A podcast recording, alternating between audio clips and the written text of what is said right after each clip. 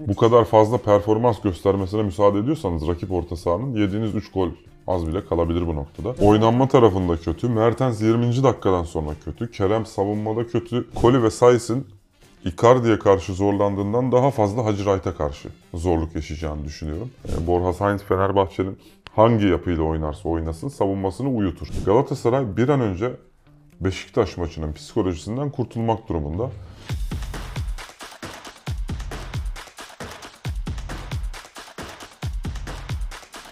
Süper Lig'de 32. haftanın ardından oynanan derbi maçı ile ilgili hem sana sormak istediklerim var hem de 33. haftanın e, bazı karşılaşmalarını da sormak istiyorum yine. İlk olarak derbi ile başlayacağım. Çünkü sonuç aslında seninle konuştuğumuz hem gibiydi hem değildi. Maçın içerisinde çokça konuştuğumuz şeylere rastladık.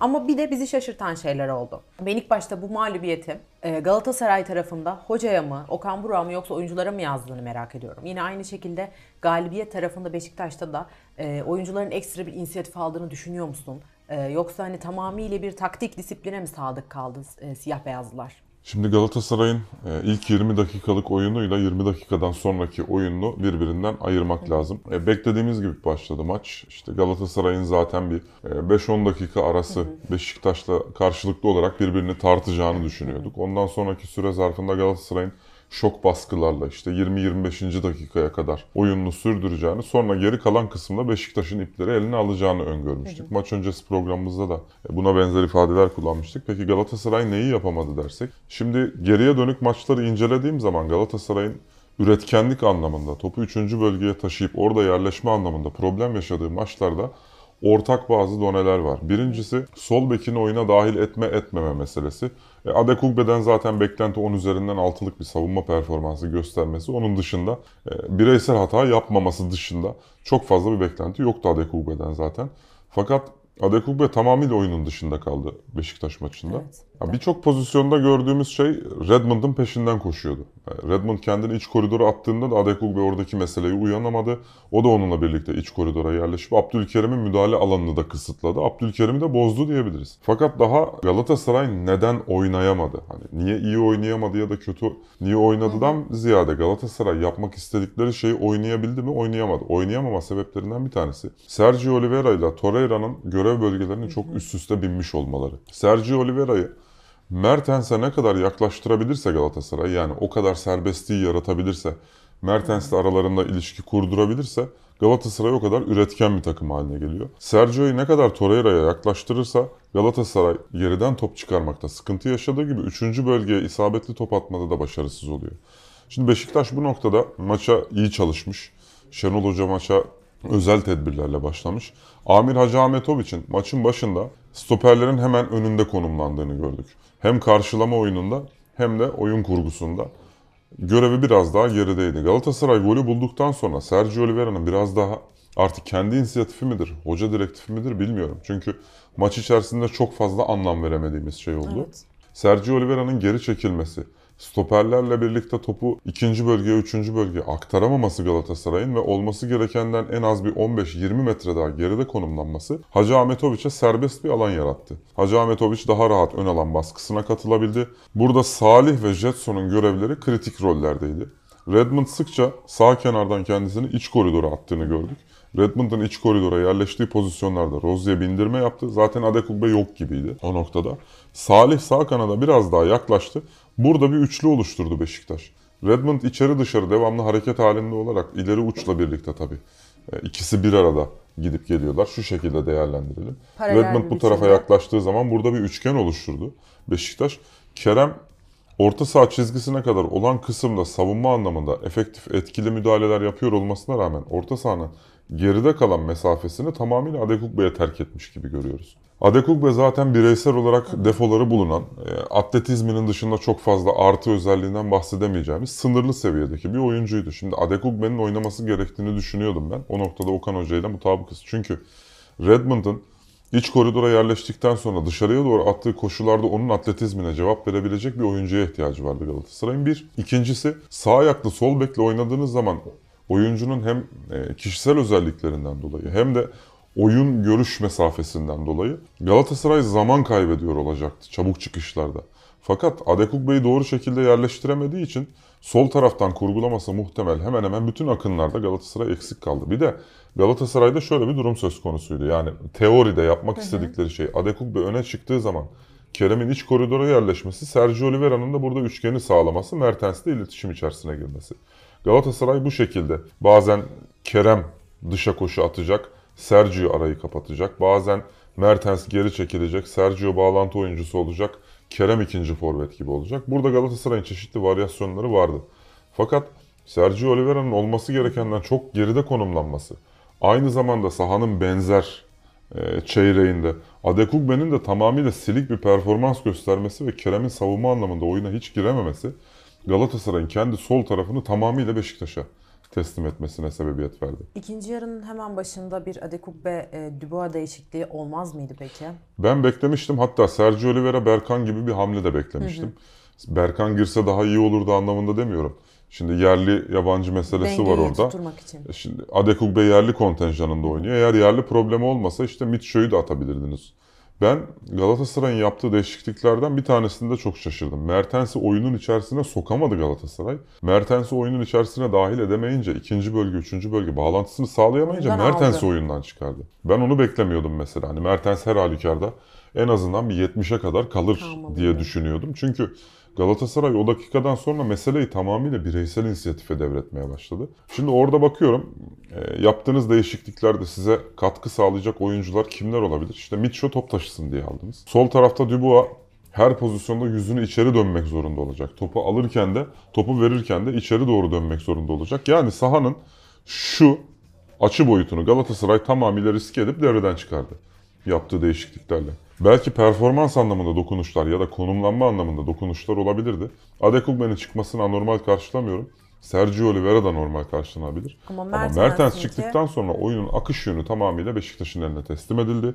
Bir de Mertens her ne kadar skor katkısı anlamında ya da oyunun içerisinde daha doğrusu ceza sahası içerisinde çok boy göstermemesinden dolayı eleştiriliyor olsa da Galatasaray'da Mertens varken organize pres yapabiliyor Galatasaray. Mertens yokken oyuncular bireysel baskı yapıyorlar sadece. Bu çok önemli bir unsur. Çünkü Beşiktaş'ın savunmadan çıkışlarda Hacı Ahmetoviç'i bulana kadarki süreçte çok ciddi problemler vaat ediyor aslında rakiplerine. Şimdi Beşiktaş Antalya Spor maçını konuşurken yine o detaylara gireceğiz ama Galatasaray top kendisindeyken iyi olan bölgesinin tamamıyla Beşiktaş'a devretmesinden dolayı derbide çok ciddi anlamda sürklesi oldu. Bu benim beklemediğim bir şeydi. Ben Galatasaray galibiyetini öngörmüştüm fakat ben 20. dakikadan sonra sıra birkaç ana başlıkta değerlendirelim. 20. dakikaya kadar Galatasaray Oyun kurgusunda çok problem yoktu. Ön alan baskısında problem yoktu. Bireysel eşleşmelerde sorun yoktu. Golü, golü attıktan sonra Galatasaray enteresan bir biçimde devamlı uzun atmaya başladı. Şimdi uzun attığınız pozisyonlarda Icardi yine çok doğru e, mücadele etti bence. Sais'le eşleştikten sonra Koli'nin üstüne koşu attı. Sais'in dengesini bozdu. Koli'yi bölgesinden uzaklaştırdı. Ama e, hep dedik ya maçtan önce. Icardi stoperleri gezdirirken arkadan gelecek artı birler. Şimdi Sergio Oliveira gelmiyor. Mertens'i Mertens- içine sokamıyorsunuz. Mertens markaj altında kalıyor. İki tane oyuncu tarafından kontrol ediliyorsunuz. Şimdi Salih içeri dışarı devamlı çalıştı. Şimdi kanat oyuncuları nasıl ileri geri devamlı çalışıyorlar? Salih içe dışa devamlı girip çıktı. Burada Jetson'un da geçiş savunmasındaki performansı 3 tane oyuncunun ortasına Mertens'i attınız buraya. Galatasaray orta sahası tamamıyla Jetson'a bıraktı orta saha Evet. merkezini. Şenol Hoca çok basit bir hamle yaparak Jetson'u Masuaku ve Cenk'in bağlantı noktasına yerleştirerek Galatasaray orta sahasını tamamıyla sürklase etti. Şu koridorda Jetson kaç kere girdi çıktı Sayamadık. sayamadık. 8 tane ikili mücadeleye girdi. 23 tane savunma hamlesi var. Yani bu kadar Müthiş fazla bir var.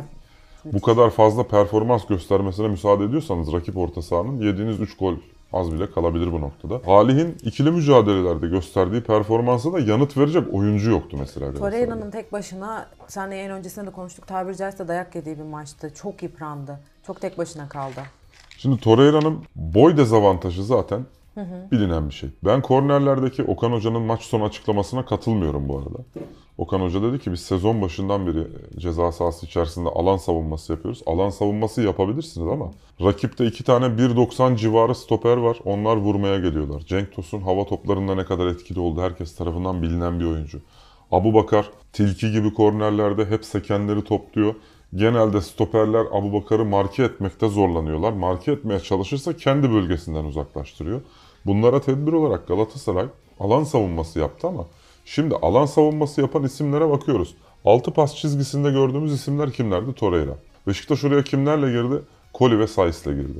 Abdülkerim'e bakıyoruz. Abdülkerim santrfor ya da ikinci santrforla eşleşmeye çalıştı. Şimdi bu tablonun içerisinde bu topa kafa vurabilecek oyuncu sayısı kaçtır mesela? Peki İşte Koli ve Saiz. Bunları Boyun Torreira ve Sergio Oliveira mı tutmalı? boyun eşleşmesi doğru muydu? Ya şimdi Boy atletik performans açısından çok iyi bir oyuncu. Cepheden gelen kafa toplarında çok iyi bir oyuncu. Patlamalı sprintlerde çok iyi bir oyuncu. Oyunun pozitif ve negatif tarafında çok iyi olduğu noktalar var. Dezavantajları nelerdir desek? Yanlardan gelen hava topları. Biz şeyden önce ne konuşmuştuk e, geçen hafta? Demiştik ki Cenk Tosun'u sıkça iç koridora doğru koşu attırıp Nelson'u Abubakar'la eşleştirip Cenk'le boyu karşı karşıya getirmeye çalışacak Beşiktaş. Ters taraftan yapılacak ortalarda Cenk Tosun'un boy üzerinden yapabileceği varyasyonları tartışmış. Tam da öyle kaldılar. Cenk Tosun boy üzerinden 3 ya da 4 tane kafa topu aldı. Vurdu. Hepsinde de tehlike yarattı. Şimdi bu pozisyonlarda boy için bir şey demiyorum ama ben bunu geçen hafta hafta içerisinde öngörmüştüm. Bunun bu şekilde olabileceğini, Abu Bakar'ın Nelson'u alıp taşıyacağını. Hatta bir pozisyonda o kadar taşıdı ki Nelson normalde kariyerinde öyle bir pozisyon yoktur. Taç çizgisine geldi Nelson orada. Abdülkerim tek başına savunma merkezini kapatmaya çalışmak zorunda kaldı ama 4 kişi birden gelirken rakip savunma rakip hücum 4 kişiyle o civara yerleşmişken bir kişi de dönen topu toplamak için karşılama pozisyonu almışken tek oyuncuyu ileri geri koşturarak yukarı aşağı koşturarak ne kadar buna tedbir Evet. alabilirsiniz? Birisi vuracaktı o toplara boy üstünden Cenk Tosun vurdu. Boy kendini geliştirebilir bu anlamda ama şimdi burada bireysel performans probleminden söz etmek çok mümkün değil. Boy kötüydü. Nelson kötü. Adekugbe kötü. Sergio Oliveira kötü. Torreira Takımın oyunun yarısı kötü olunca Oynanma tarafında kötü. Mertens 20. dakikadan sonra kötü. Kerem savunmada kötü. Çok fazla top kaybetti. Orada kötü. Şimdi bu kadar fazla kötü oyuncu varsa ortada burada iyi bir şey beklemek çok- burada bireysel performansa maçı ihale etmek çok doğru olabilir mi? Orada sadece ben biraz tereddüt konuda ee, kısacası Beşiktaş basit hamlelerle ve e, beklentinin üzerinde verilen Salih ve Getson performansıyla aynı zamanda Amir Hacı Ahmetoviç'in oyun zekasıyla baktı ki Galatasaray sayısal fazlalığı sağlayamıyor. Ben de çıkayım ön tarafa basayım dedi. Baskı golü Galatasaray'ı daha fazla dağıttı mental olarak. Çünkü bu tip goller mesela 40 metreden bir gol yersiniz. Dersin ki adam vurdu. İşte %35-40 şansı vardı girdi. Ama Sergio Oliveira Mustera'dan aldığı topta dönemedi. Bir de bu pozisyonlarda mesela Galatasaray devamlı gol yiyor. Şu son maç dahil olmak üzere Galatasaray'ın sol açık pozisyonu haricinde en fazla top kaybı yaptığı bölge burası olmaya başladı. Şimdi Galatasaray'ın en güçlü bölgesi neresi derseniz muhtemelen işte 10 kişiden 7 tanesi o bölgeyi söyler. En fazla top kaybını sol açığın haricinde orada yapıyor Galatasaray. Taraftar şurada top çıkarken yüreği ağzında. Acaba kayıp top kaybı O da mı enteresan bir tercihti. Mesela e, maç boyunca anlamsız biçimde Galatasaray uzun vurdu. Uzun vurduğu topları kovalayacak adamı yoktu Galatasaray'ın. Şuradan orta yapılıyor ama burada kimse. O zaten ilk yarıda 9 tane orta yapıldı, bir tane isabet var. Şimdi bu ne demek? İşte hep oyunun bir tarafından değerlendiriliyor genelde. Ben Evet. ters taraftan bakmayı seviyorum. Galatasaray bir tane isabetli orta yapmış diye bakmıyorum ben mesela. Galatasaray 8 tane hücumu doğru sonlandıramamış. Yani 8 tane hücumda kontra atak şansı vermiş, geçiş yeme şansı vermiş rakibine. O önünde 3 tane 4 tane opsiyon varken ısrarla içeriye orta yapmaya çalışmanın mantığını ben hala çözebilmiş değilim. Yerden yükselen, ben bu konuda hala ısrarcıyım. Yerden yükselen her topun sizin elemanlarınız tarafından karşılanma olasılığı düşer. Galatasaray zaten takım boyu kısa. Mertens kısa, Torreira kısa. Icardi uzun sayılabilse de Icardi de standartların. Ya standart diyelim. Kerem kısa. Bu tarafta Raşitsa kısa. kısa. Yani hava topu alabilecek kaç tane oyuncunuz var bu kadar orta yapmaya çalışıyorsunuz? Bu anlamsız. Ha, bu neden kaynaklanıyor? Galatasaray bloklar arasındaki bağlantıyı kuramadığı için Onu deniyor sürekli. ya uzun top atacaktı ya top taşıyacaktı. Top taşıyacak oyuncusu olmadığı için uzun top atmaya başladı. Ama uzun topu atarken de bunun bir ikinci planı olur. Stoperler karşılarsa, defansif orta saha karşılarsa ben ona kimle nerede nasıl basarım. Galatasaray kendi geriye çekilip topu ileri atmaya başladı. Düşen topların tamamını Beşiktaş süpürdü. Bu maçı detaylıca konuşmuştuk. Öncesinde de sonrasında da e, teşekkür ederim bu açıdan. E, burada Galatasaray'ın eksilerini araya giriyorum. Galatasaray'ın eksilerinden bahsederken Beşiktaş'tan bahsetmiyormuş gibi oluyor ama Beşiktaş Galatasaray'ın pozisyonunu görüp ona göre doğru tedbirler alarak Galatasaray'ı yendi. Şenol Galatasaray kendi öğrendiler. futbolunu oynayıp da Beşiktaş onu karşılamaya çalışıp ekstra bir tedbir üretmedi. Galatasaray'ın zaaf noktalarını tespit etti Beşiktaş. Basit ama doğru hamlelerle Galatasaray'ı top yapamaz hale getirdi. E, sürklase etmiş oldu rakibini deyip aslında bir Antalya Spor Beşiktaş maçında sormak istiyorum sana. Beşiktaş cumartesi günü Antalya Spor'la deplasmanda oynayacak. E, bu çıkışın e, sürmesini bekliyor musun? E, ilk olarak onu sorayım. Beşiktaş orta saha mücadelesi anlamında Galatasaray maçı kadar rahat bir maç oynamayacak muhtemelen Antalya Spor karşısında. Ben istatistik tabloları karşılaştırdığım zaman Antalya Spor'la Beşiktaş'ın birbirine benzeyen çokça istatistik verisi var. Şimdi bu birazcık garip gelebilir tabii. Beşiktaş'ın kalibresiyle Al- Antalya Spor'u karşılaştırmıyorum ama iki takım defansif parametrelerde birbirine çok benziyor. Hatta bazı pozisyonlarda Antalya öne çıkıyor, bazılarında Beşiktaş. Pas parametrelerinde Antalya Spor Beşiktaş'tan daha iyi pas yapan bir takım. Beşiktaş'la Antalya Spor'un ortak özellikleri ikisi de birinci bölgeyi minimum düzeyde temasla geçmeye çalışıyorlar. İkisinin de ikinci ve üçüncü bölgede faul yaptıkları bölgeler 3 aşağı 5 yukarı aynı. Ama orada bir kalite farkı söz konusu. Beşiktaş çok ciddi anlamda Antalya Spor'a baskın gelebilecek türevde kaliteli oyunculara sahip. Hacı Wright Beşiktaş'taki Cenk Tosun ve Abu Bakar'ın toplamına yakın seviyede e, gol beklentisi yaratan bir oyuncu mesela. Ama Antalya Spor bu noktada tahmin edilebilir türevde bir takım. Hacı Wright'ı 3. bölgede topla buluşturmak, doğru koşuyla doğru noktada topla buluşturmak olsa da sonuçta tahmin edilebilir bir Bir senaryo bu. Fernando Beşiktaş'ın geride topla oynayan 3 oyuncusundan daha fazla topla oynayan bir oyuncu mesela. Bu Fernando açısından ne kadar artı yazarsa Beşiktaş açısından da o kadar avantaj teşkil eder. Çünkü tahmin edilebilir. Bir akış yönü belirliyor. Beşiktaş kendi atak yönünün sağ tarafından sıkça faule maruz kalacağı bir maç oynayacaktır muhtemelen. Antalya Spor yaptığı faullerin %30'a yakınını orta sahanın e, sol tarafında yapıyor. Rakiplerine geçiş yemesi en muhtemel bölge orası olduğu için o bölgede sıkça kümelenip genelde e, Güray üzerinden ya da oynarsa Hüsam Gaşa üzerinden faulle durdurarak savunmasına zaman kazandırmaya çalışıyor. Burada da bir şifre vermiş olalım. Savunmasına zaman kazandırması gereken bir takım Antalya Spor. Topla oynama verilerine baktığımızda ilk yarı ile ikinci yarı arasında Antalya Spor'un topla oynama verilerinde de farklılık var. Beşiktaş topla oynadığı zaman da oynamadığı zaman da belirli noktalarda oyuncu kalitesiyle, Abubakar'ın ekstra e, performansıyla ya da Redmond'ın kreatif beklenmeyen koşullarıyla bir şekilde sonuca ulaşıyor. İki takımın ortak noktalarından bir tanesi de ikisi de e, 30-45 arasıyla 46-60 arasında daha efektif oynuyorlar. Fakat Antalya Spor'un bu noktada bir artısı daha var. 75 ve 90 artıları da İyi oynuyor. iyi oynuyor. Bu noktalarda genelde topla oynayan taraf Antalya Spor oluyor. Takım boyunu kısaltıyorlar. Burada şöyle bir dezavantaj teşkil ediyor. Beşiktaş şayet o dakikaya kadar fizik performans şarjını korursa Antalya Spor skoru almak adına ya da tekrar maça ortak olmak adına ön plana ön tarafa çıkacaktır. Ön tarafa çıktığında Beşiktaş'ın etkili ayakları bu noktada Antalya Spor'u gafil avlayabilir.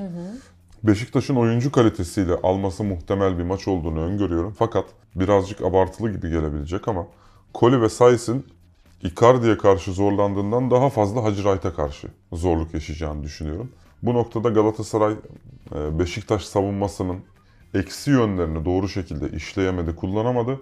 Burada Antalya Spor Hacı Wright üzerinden, Fernando ve Hacı Wright üzerinden kurguladığı hücumlarda Beşiktaş'ı zorlayacaktır diye düşünüyorum. Amir Hacı Ahmedovic'in en iyi ihtimalle 15 metre daha geride konumlanacağı bir maç olacaktır. Beşiktaş savunmanın merkezini ön plana çıkardığı noktada dahi Hacı Ahmetoviç ile çok fazla ön plana çıkacağını düşünmüyorum. Çünkü bu noktada şu bölgeden iç koridorlara ve ceza yayı civarına atılan bütün toplarda Wright çok etkili bir oyuncu. Aynı zamanda onu atabilecek oyunculara da sahip Antalya Spor. Bu noktada kazanması gereken taraf kimdir? Elbette Beşiktaş'tır. Beşiktaş'ı Antalya Spor'un da önünde avantajlı olarak görüyorum. Fakat bu noktada e, bireysel pik performansların belirleyici olacağını düşünüyorum. Peki ben de bu notlara dikkat ederek izleyeceğim maçı. Özellikle Hacı Wright ve savunmacıların arasında geçecek olan o e, mücadeleyi diyerek aslında bir de pazar günü oynanacak e, Giresunspor Fenerbahçe maçını sorarak devam edeceğim sana. Giresunspor e, 1-0 mağlup oldu İstanbulspor'a ve açıkçası düşmeme adına da çok ağır bir e, darbe aldım. Şimdi burada onlar için bir çıkış maçı olmasını bekliyorlar. Ee, evlerinde Fenerbahçe'yi yenebilecekler mi sence ki yenmenin de aslında yenemeseler de bir puan almalarını bekliyor musun? Fenerbahçe'nin üçlü ya da dörtlü hangi formasyonla çıkacağını tahmin edemiyorum. Luan Perez de artık denkleme dahil oldu diyebiliriz. Evet. Zalai'nin yokluğunda dörtlü çıkmak daha makul olabilir diye düşünüyorum Giresunspor karşısında. E, Giresunspor kazanmak zorunda olduğu pozisyonlarda 3. bölgede çok ciddi anlamda problem yaşayan bir takım. Tercih hataları üst düzey olan e, ceza sahası içerisinde topla buluşma konusunda sıkıntı yaşamadıkları maçlarda dahi doğru opsiyonu bulmakta e, zorluk yaşayan bir takım. Giresun Fenerbahçe kadar kazanmaya ihtiyaç duyuyor bu maçta. Bu Fenerbahçe açısından çok ciddi bir avantaj teşkil eder bence. Giresunspor'dan söz ederken Borja Sainz'dan özellikle bahsetmek hı hı. gerekiyor. Borja Sainz bence ligde özel olarak tedbir alınması gereken oyuncuların başında gelen bir oyuncu. Ee, savunma performansı da etkileyici, hücum performansı da etkileyici. Bir kanat oyuncusuna kıyasla oldukça fazla ikili mücadeleye giren, orta sahanın gerisine de gelip bekine de yardım eden. Ekstra özelliklere sahip bir oyuncu. Hangisi ekstra özellik? Böyle birazcık scouting alanına giriyoruz ama kanat oyuncuları genelde ya pas kanalı kapatırlar ya topa baskı yaparlar. Borja Sainz topa baskı yaparken pas kanalını kapatarak geliyor ve genellikle oyuncuların profillerine uygun şekilde koşular atıyor. Rakiplerini izliyor muhtemelen. Özel olarak da izliyor hocasının talimatlarının haricinde. Bu noktada ben hücum pres anlamında çok başarılı buluyorum kendisini. E, ligde en fazla dribbling yapan oyunculardan da bir tanesi aynı zamanda. Fenerbahçe'nin bu noktaya ekstra tedbir alması gerekecektir.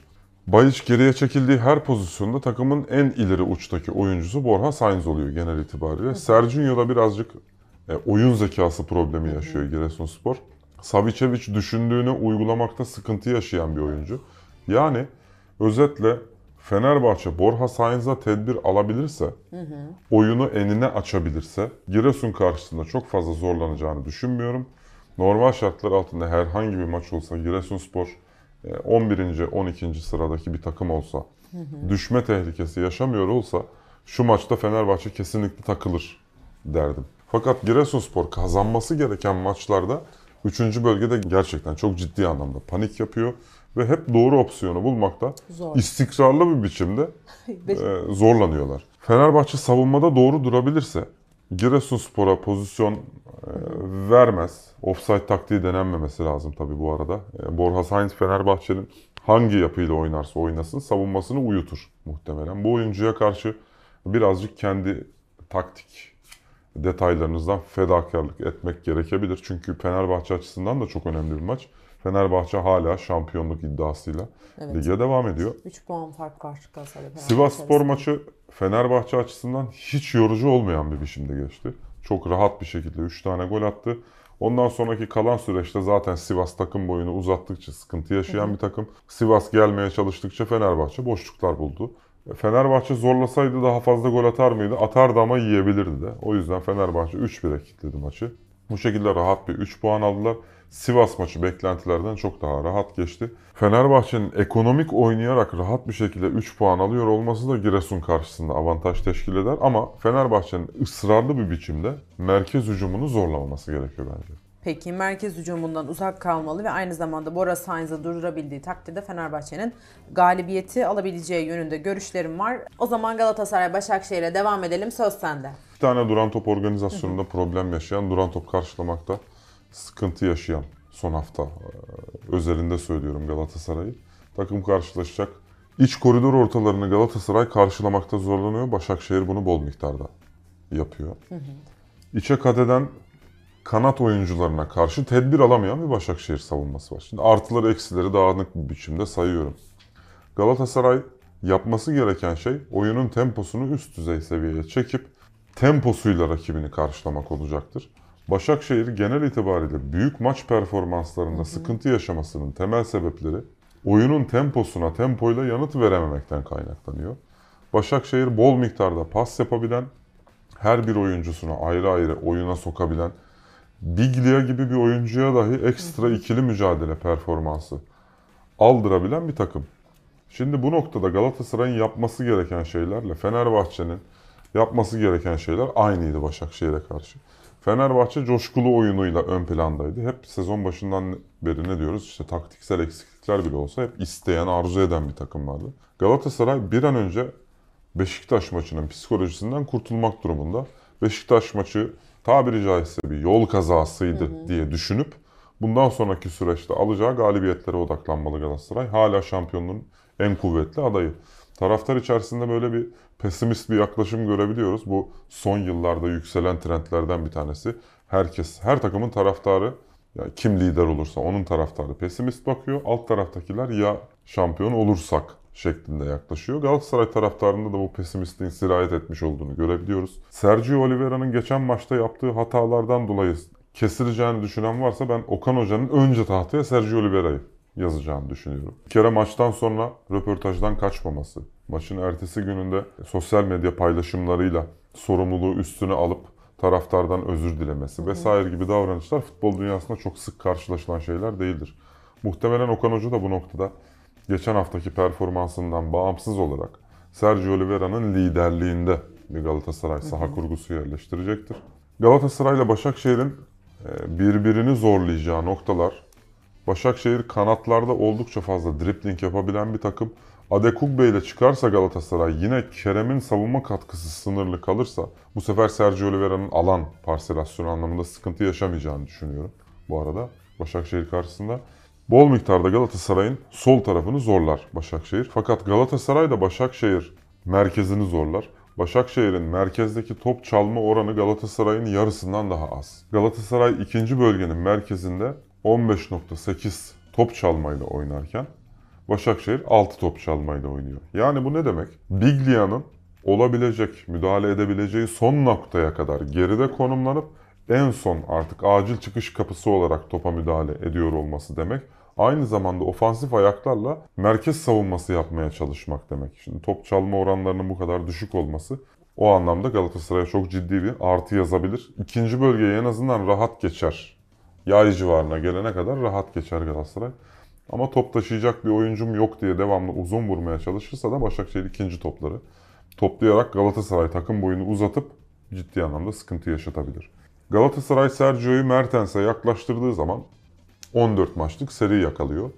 Mertens'le Sergio'nun arası uzaklaştığı zaman Mertens sol iç koridora ekstra olarak girmek zorunda kaldığı zaman takım boyu uzuyor ve Beşiktaş mağlubiyeti ortaya çıkıyor. İki farklı Galatasaray'dan söz etmek mümkün. Galatasaray'ın kaybettiği, berabere kaldığı, öne geçtiği maçlarda sonradan yakalandığı bütün maçların senaryosu aynı oldu. Şimdi Sergio ile Mertens maç başına Galatasaray'ın anahtar pası en yüksek yüzdeli yapan oyuncuları. Şimdi iki oyuncuyu da eleştirebileceğimiz şeyler olabilir belki. Ama ben e, daha çok Galatasaray'a kattıklarına ve kattıklarının diğer oyunculara sağladığı opsiyonlara bakıyorum. Mertens maç başına %42 attığı pasların %42'si yani maç başına 3 civarında anahtar pas deniyor ve başarılı oluyor bunlarda. Sergio Oliveira kendi paslarının %43'ünü anahtar pas olarak kullanıyor. Üçüncü bölgeye attığı paslardan söz ediyoruz bu arada. Maç başına 1.6. Şimdi iki tane oyuncudan 3 oradan 2 de oradan 5 tane anahtar pas katkısı Geliyor, alıyor Galatasaray. Bu oyunculardan öyle birden feragat etmek çok mümkün olmayabilir. O yüzden ben şayet bir değişiklik olacaksa sol tarafta olacağını düşünüyorum. Hmm, Adekugbe'nin yerine. Adekugbe'nin yerine. Ben Başakşehir'in Kenny ile alakalı bir maça kadar bir sağlık problemi olmazsa, herhangi bir anormallik olmazsa Kenny ile maça başlama olasılığını da yüksek görüyorum. Kenny e, yüksek tempoyla oynayabilen, çabuk çevik bir oyuncu, fizik gücü de yüksek. Galatasaray savunmasını geri koşturacağı olası pozisyonlarda Galatasaray'a zorluk yaşatabilecek kadar da hızlı bir oyuncu. Buna yanıt olarak Kazımcan'da bir şey yoksa şayet ki herhalde yoktur artık. E, Çok uzun süredir Kazımcan'ın kadraja girdiği bir pozisyon olmadı. Ben neden Kazımcan'ın tercih edilmediğini de açıkçası bilmiyorum. Belki fizik olarak hazır değildir. Belki mental bazı problemler yaşıyordur bilmiyorum kadar ama. kötü olabilir ama. Şimdi Adekugbe'nin geçen maçta Emre abiyle birlikte seyrettik maçı. Emre abinin özellikle dikkat çektiği bir konu oldu. Şu civarda diğer oyunculara şuraya at buraya at yani eliyle koluyla işaretler yaptığını gördük ama kendisinin de pas opsiyonu olması gerektiğinin farkında olmadığını gördük o sırada. Abdülkerim topla birlikte iç koridora yaklaşmışken kenardaki oyuncuyla birlikte işleyip merkezi hareketlendirecekken Adekugbe'nin Kerem'i şuraya koyalım. Adekugbe'nin şurada sabit bir şekilde bekliyor olması Galatasaray'ın bütün kurgusunu bozmuş oluyor. Şimdi Kerem burayı zaten Adekugbe'ye bırak. Sergio Oliveira yaklaşmış, arkasından Mertens gelmiş. Bu ne demek? Adekugbe bu çizgi senin. Buradan bindirmen gerekiyor. Hiçbir şey yapmasan bile. Bir oyuncuyu senin savunmanı yapmak üzere kendi üstüne çekmelisin. Adekugbe burada beklediği her pozisyonda Kerem'e hem iç koridorun hem dış koridorun sorumluluğunu bırakmış oluyor. Ve peşinde bir oyuncuyu sürüklememiş oldu. Kerem'e iki oyuncu birden. Yani rakibin Kaldı. sayısal eksik yakalanacağı olası pozisyonların tamamını bu kadar basit Bir hatadan. yapmadığı bir şeyle ekstra kendi oyuncu kendi takım arkadaşlarının sırtına yüklemiş oluyor. Şimdi kendisi bu seviyelerde çok fazla oynamış bir oyuncu olmadığı için bu tip zafiyetler yaşaması normaldir diye değerlendirilebilir ama bir taraftan da akan oyunu görüyorsun. İkili bir bölgede oynuyorsun. Mesela ofansif orta saha oyuncusuna bir şey diyemem. Onun inisiyatif or- oranı daha fazla olabilir. Daha az inisiyatif aldığı maçlar olabilir. Daha az koştuğu maçlar olabilir. Çünkü kreatif zeka sensin. Sana yaklaşırlarsa arkadaşların efektif hale geliyorlar. Uzaklaşırlarsa olay tamamıyla senin şapkadan tavşan çıkarmana kalıyor. Ama burada iki kişi bir arada oynayıp kombine akınlar yapmak zorundasın ya da kombine savunma yapmak zorundasın. Arkadaşlarından kopuk kaldığın her pozisyonda onların sorumluluk düzeyini arttırıyorsun. Hiçbir şey yapmasa bile diyorduk ya işte Adekugbe'yi değerlendirirken ilk geldiğinde. Adekugbe hiçbir şey yapmasa bile 10 üzerinden 6'lık savunma performansı gösterip Yeterlidir Galatasaray. rakibin atletik oyuncularına yanıt olabilecek koşular atarsa Galatasaray'ı rahatlatır. Bu kadardı Adekugbe'den beklenti. O da olmayınca tabii. E o da olmayınca diğer bütün çevresinde etken olabilecek oyuncuların performansını aşağıya çekiyor. O yüzden Adekugbe ile başlanmaması hoca muhtemelen şey diyebilir. Adekugbe ile başlamazsa bu maçta böyle bir stratejik tercih denedik diyebilir Adekugbe'yi de kaybetmemek için. Ama ben direkt Kazımcan'la başlanmasının çok büyük kumar olacağını düşünmüyorum. Yani Adekugbe'nin Beşiktaş maçı performansı. Evet. Adekugbe o kadar istikrarsız bir oyuncu ki bir önceki maçta mesela işte Alanya Spor maçında Roberto Carlos performansı gösterdi. Beşiktaş maçında sahada yoktu. Kazımcan en azından çizgiyi kullanma anlamında ürkek olmaz. Yani Doğru. arka tarafta geride kalmayı, rakibin oradan kontra atak yapmasını bunlar e, artı özellik olarak anlatmıyorum. Aslında bunlar defolardır O- ama şimdi bu defoyu göz ardı ettiğiniz zaman size ön tarafta bir şeyler katabiliyor olması lazım oyuncunun. Yani her halükarda rakip zaten kontra atak yapacaksa gelecek. Sen Galatasaray'sın. Kendi ceza sahanın içerisine dizilip de rakibi karşılamaya çalışarak oynayamazsın. Zaten hücum yapman gerekecek.